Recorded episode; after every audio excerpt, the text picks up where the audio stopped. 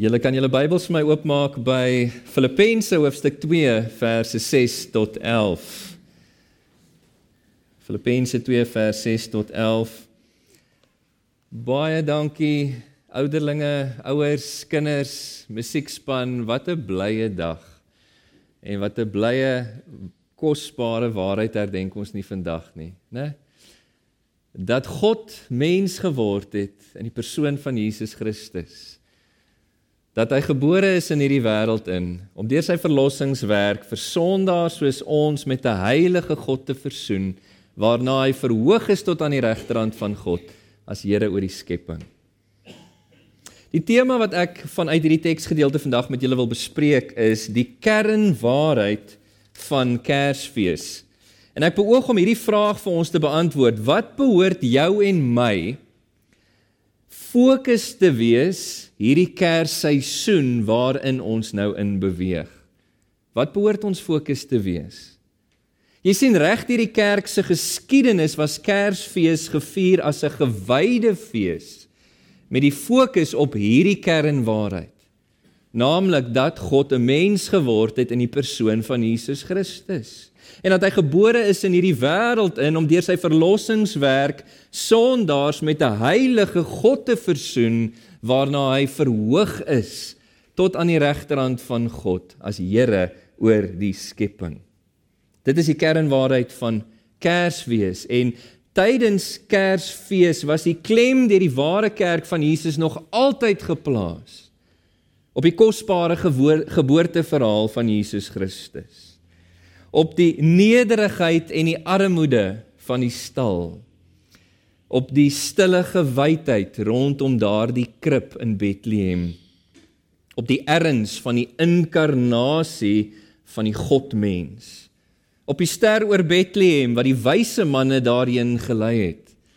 Op die kosbare geskenke van die wyse manne aan die babietjie Jesus op die engele koor wat die blye boodskap eers te verkondig het en op die storie van Josef en Maria. Maar Satan, die aardsvyand van God en die mens, soos hy maar is, sal altyd alles in sy vermoë doen om dit wat vanaf God kom, dit wat heilig en dit wat gewyd is, te probeer verdraai en te probeer goedkoop maak om mense te verblind vir die waarheid van God en daarom werk hy dit in die harte van ontelbares wêreldwyd om in Kersfees niks meer te sien as 'n kommersiële aangeleentheid of geleentheid nie. Hy werk dit in mense se harte om die nederigheid en die armoede van die stal te verruil vir die rykdom en die vergryping van 'n karnivaal mentaliteit. Om te die stille gewydheid rondom die krib te verruil vir die remoer van inkopiesentrums om die erns van die inkarnasie te verruil vir die ligsinnigheid van 'n partytjie gees. Om die ster oor Bethlehem te verruil vir die skitterende liggies van hierdie wêreld. Om die skatte van die wyse manne aan koning Jesus te verruil vir goedkoop plastiek speelgoed. Om die engelekore te verruil vir rendiere wat met 'n slee vanuit die Noordpool ry. Om Josef en Maria te verruil vir Noordpool elwe. En om God die Vader wat sy eniggebore seun gegee het vir die verlossing van sondaars te verruil vir 'n Kersvader wat in 'n skoorsteen afklim om presentjies aan kinders te gee. En weet julle gemeente, ons sal hierdie Kersseisoen verby verby al hierdie wêreldse konnektasies met Kersfees moet kyk sodat ons weer by daai kernwaarheid van Kersfees kan uitkom soos ek gesê het, naamlik dat God mens geword het in die persoon van Jesus Christus. Dat hy gebore was as 'n babatjie in hierdie wêreld in om deur sy verlossingswerk sondaars met 'n heilige God te versoen. Waarna hy uitermate verhoog is tot aan die regterhand van God as heerser oor die heelal. Nou God wil vanoggend vir ons herinner aan hierdie kernwaarheid van Kersfees vanuit sy woord onder 4 punte in Filippense 2 vers 6 tot 11. 4 punte. Die verhewendheid van Jesus Christus as God. Paulus praat oor die vernedering van Jesus Christus as 'n mens. Hy praat oor die verlossingswerk van Jesus Christus as middelaar en hy praat oor die verhoging van Jesus Christus as Here en ons gaan kortliks aan al u vier van hierdie punte raak sodat ons nie ingetrek word, dat ons nie opgevang word, dat ons nie eh, meegesleer word met die onbybelse konnektasies wat die wêreld aan Kersfees heg hierdie Kersseisoen nie.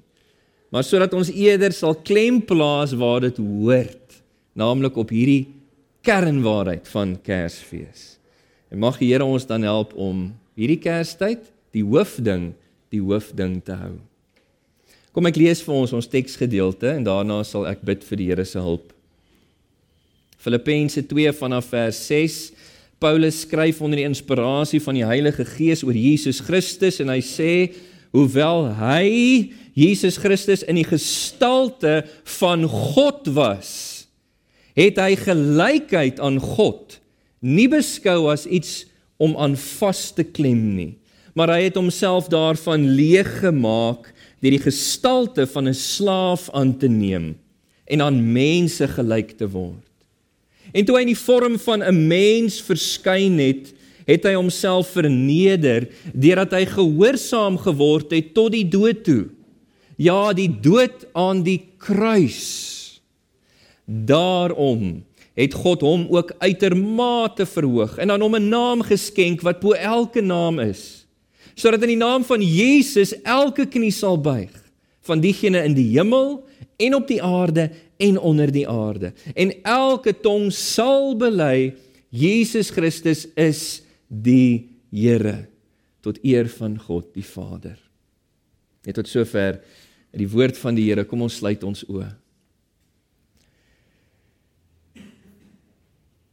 Hemelse Vader, as U kerk buig ons onsself neer voor U Ons besef Here dat hierdie is gewyde oomblikke waarin ons die voorreg het om u geïnspireerde gesaghebende waarheid aan te hoor vanuit u woord. Ek wil vra dat u deur die Heilige Gees vir ons die instaatstelling sal gee om werklik te hoor wat u vir ons sê, om dit te verstaan en ter harte te neem, om dit te onthou sodat hierdie waarheid, hierdie kernwaarheid van Kersfees in die voorgrond van ons gedagtes en harte sal wees hierdie Kersseisoen. Steek my ook weg agter die kruis, o Heer. Mag Christus en hom as gekruisigde gesien word vanmôre en mag U al die eer ontvang vanuit die verkondiging van U woord. Kom en kom werk in ons midde tot U eer. Dit vra ons in Jesus se naam. Amen.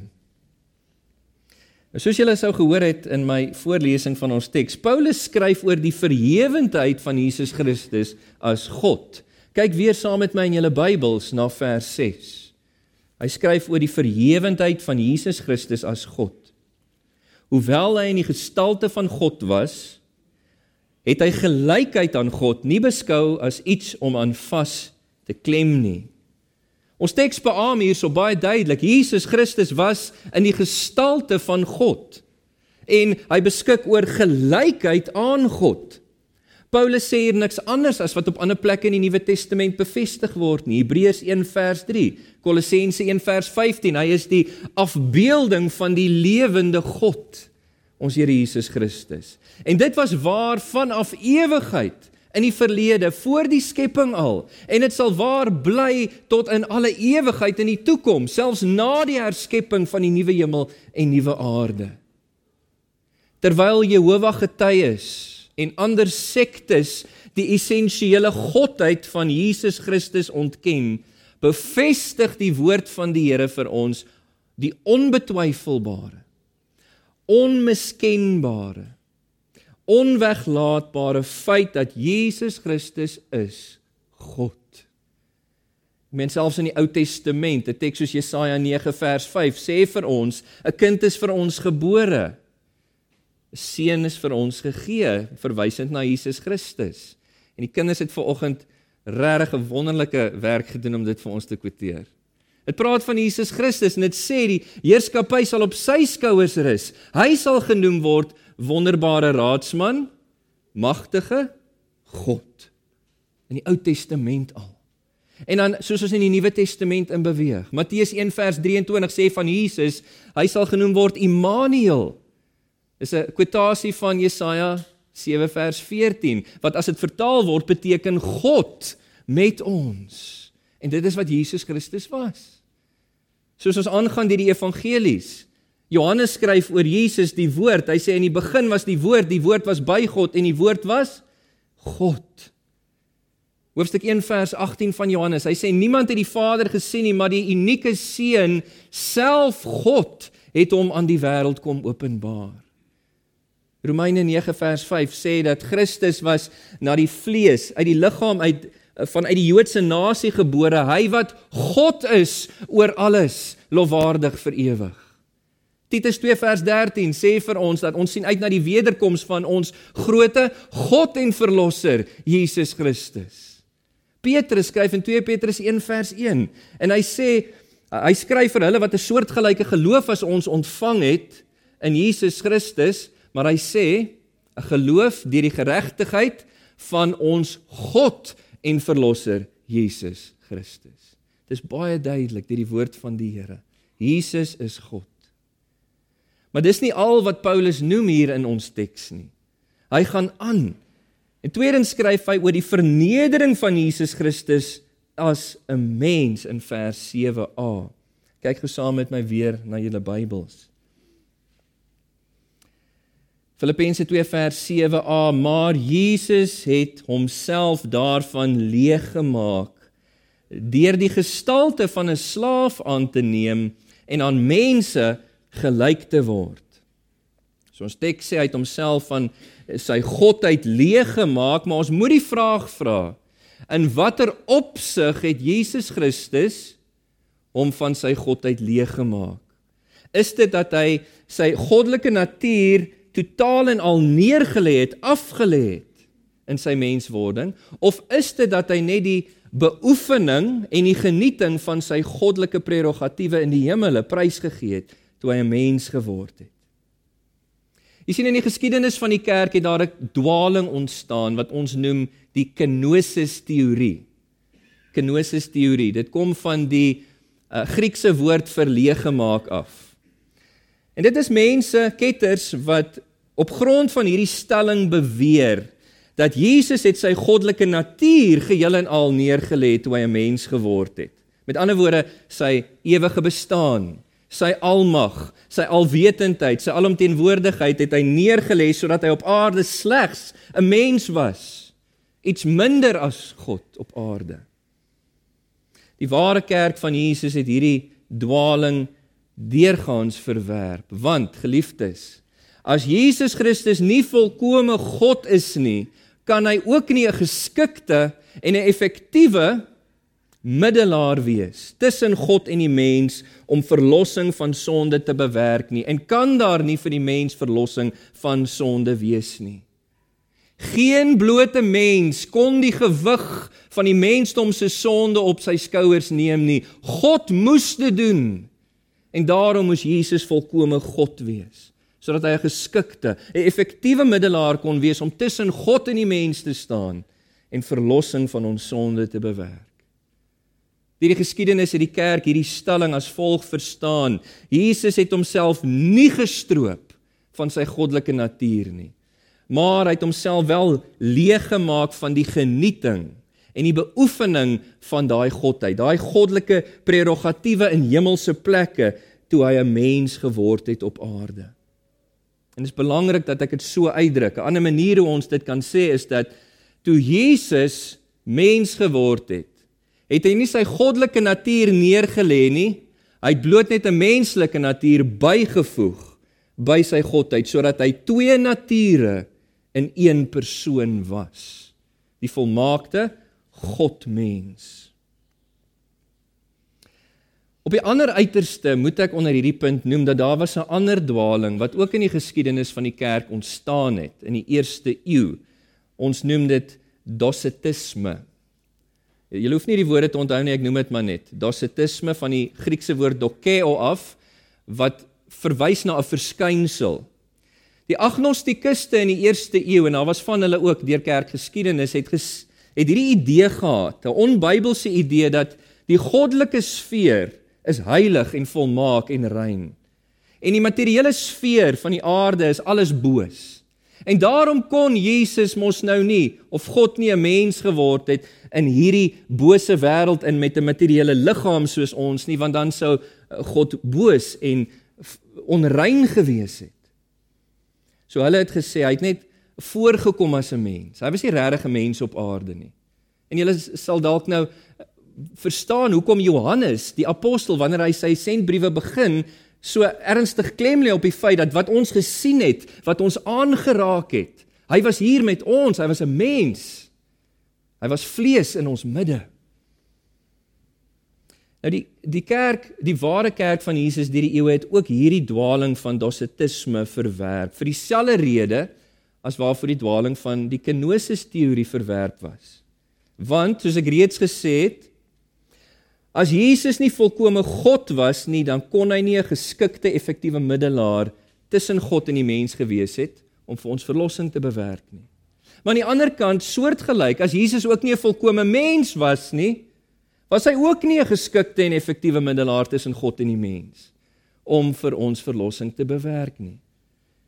En daarom moet ons beamoen saam met die leer van die Nuwe Testament. Jesus was beide God, maar ook 'n mens. En dit is wat Paulus vir ons hier skryf in vers 7. Hy sê dat Jesus het aan die mense volkome gelyk geword in vers 7a. Hy het die volle gestalte van 'n slaaf aangeneem. En dit is vir ons bewys deur Jesus se menslikheid op aarde. Jesus het pyn gevoel in sy liggaam soos wat ons pyn voel. Jesus het hartseer geword en geween soos wat ons huil.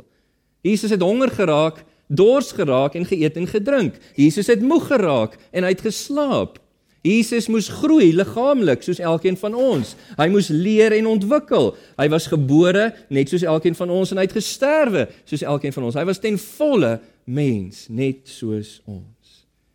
So geliefdes, hierdie moet ons verstaan en moet ons bevestig vanuit die woord van die Here. Jesus is die volmaakte Godmens.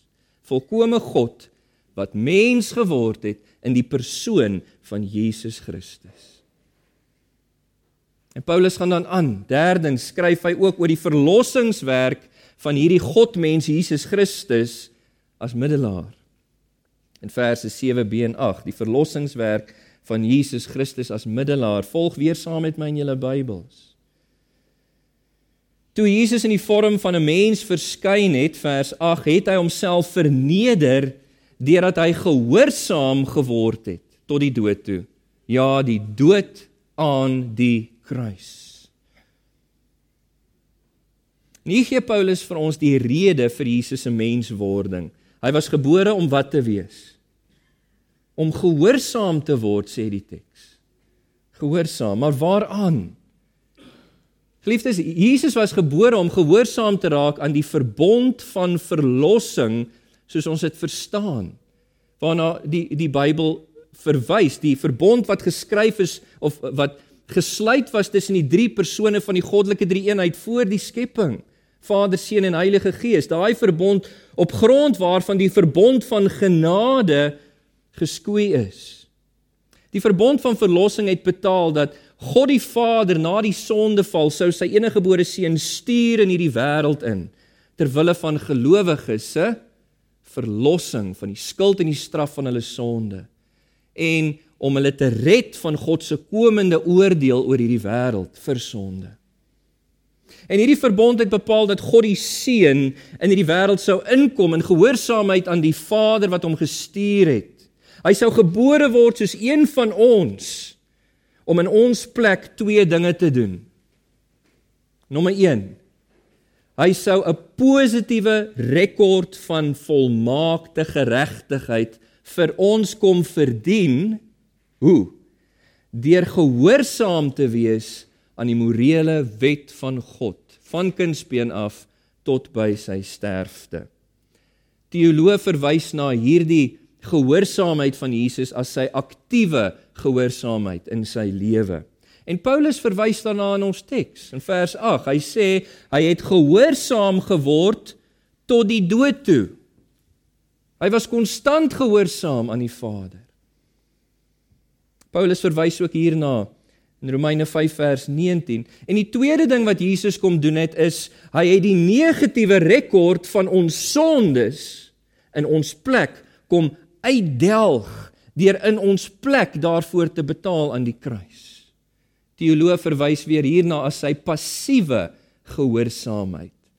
En Paulus beklemtoon ook dit in die teks wanneer hy spesifiek klem plaas, ja, die dood aan die kruis. Hy verwys na beide aspekte van ons Here Jesus se gehoorsaamheid hier.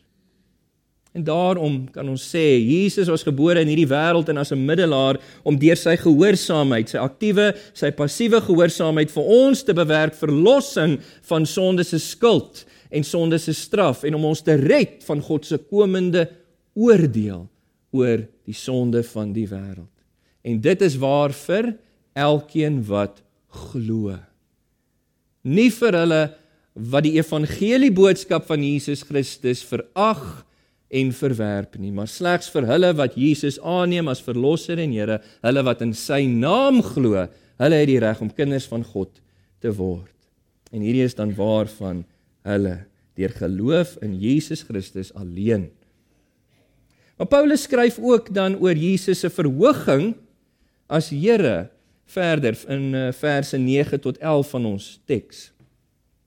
Nie net oor die verhewendheid van Jesus Christus as God nie, nie net oor die vernedering van Jesus Christus as 'n mens nie, nie net oor die verlossingswerk van Jesus Christus as middelaar nie. Hy skryf spesifiek ook oor die verhoging van Jesus Christus as Here. Ek lees vir ons verse 9 tot 11 en julle kan weer in julle Bybel saam met my volg.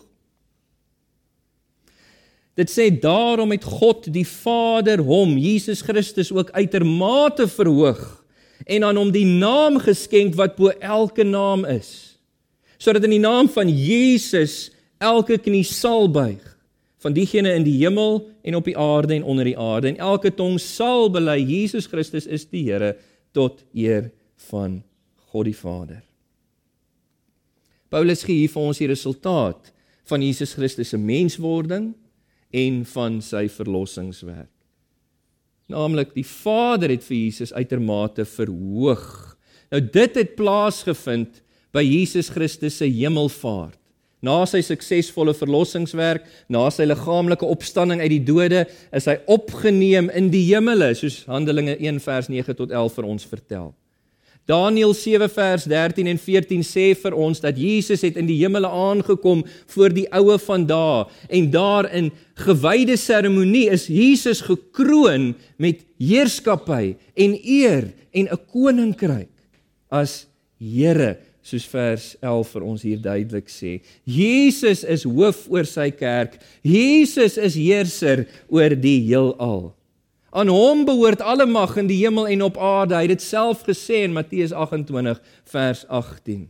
En daarom skryf Paulus hier in ons teks: Aan hom is geskenk 'n naam of 'n verhewe posisie kan ons sê wat bo elke naam is, bo alle mag, alle gesag, alle owerheid wat ons onsself kan indink.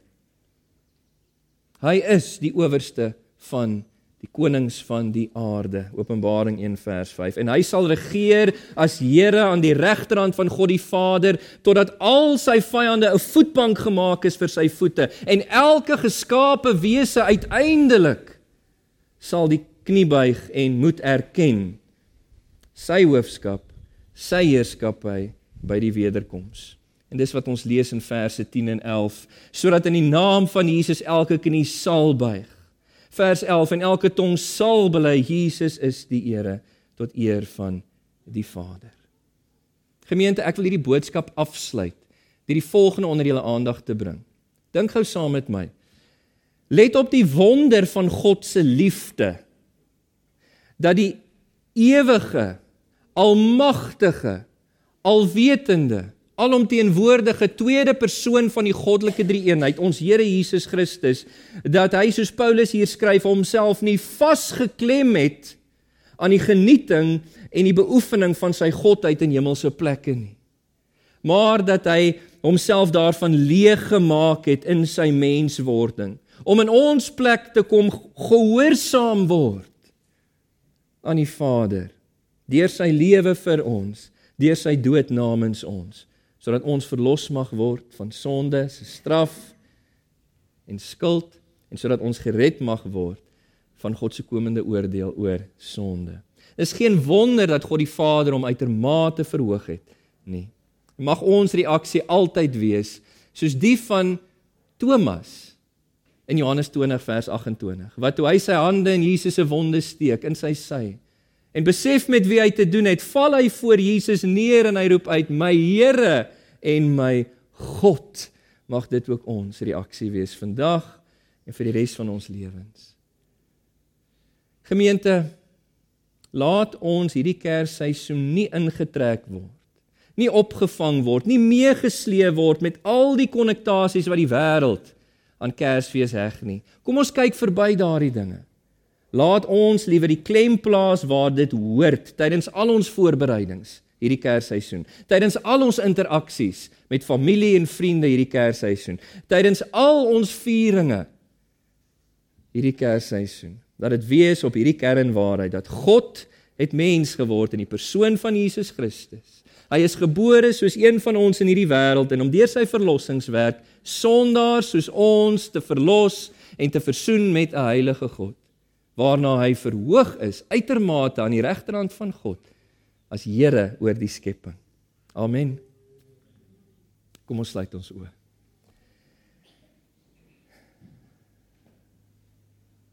Hemelse Vader, u woord is vir ons so duidelik, so kosbaar, wonderlik.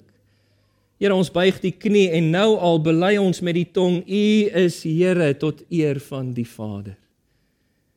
Here mag U ons help dan in hierdie Kersseisoen om hierdie boodskap in die voorgronde van ons gedagtes en harte te hou. Here om dit te kommunikeer aan familie en vriende en veral ons kinders wanneer ons om die Kersboom sit, wanneer ons geskenkies uitdeel. Wanneer ons vanuit die woord die blye storie van die van eh, die Kersverhaal vertel waarin die evangelie opgesluit is. Help ons hiermee, Here, dat ons hierdie Kersseisoen die hoofding die hoofding sal hou. Wees die naprediker van u woord in ons harte. Asseblief, Here, en verheerlik U self verder in ons verrigtinge vanmôre. Dit vra ons in Jesus se naam. Amen.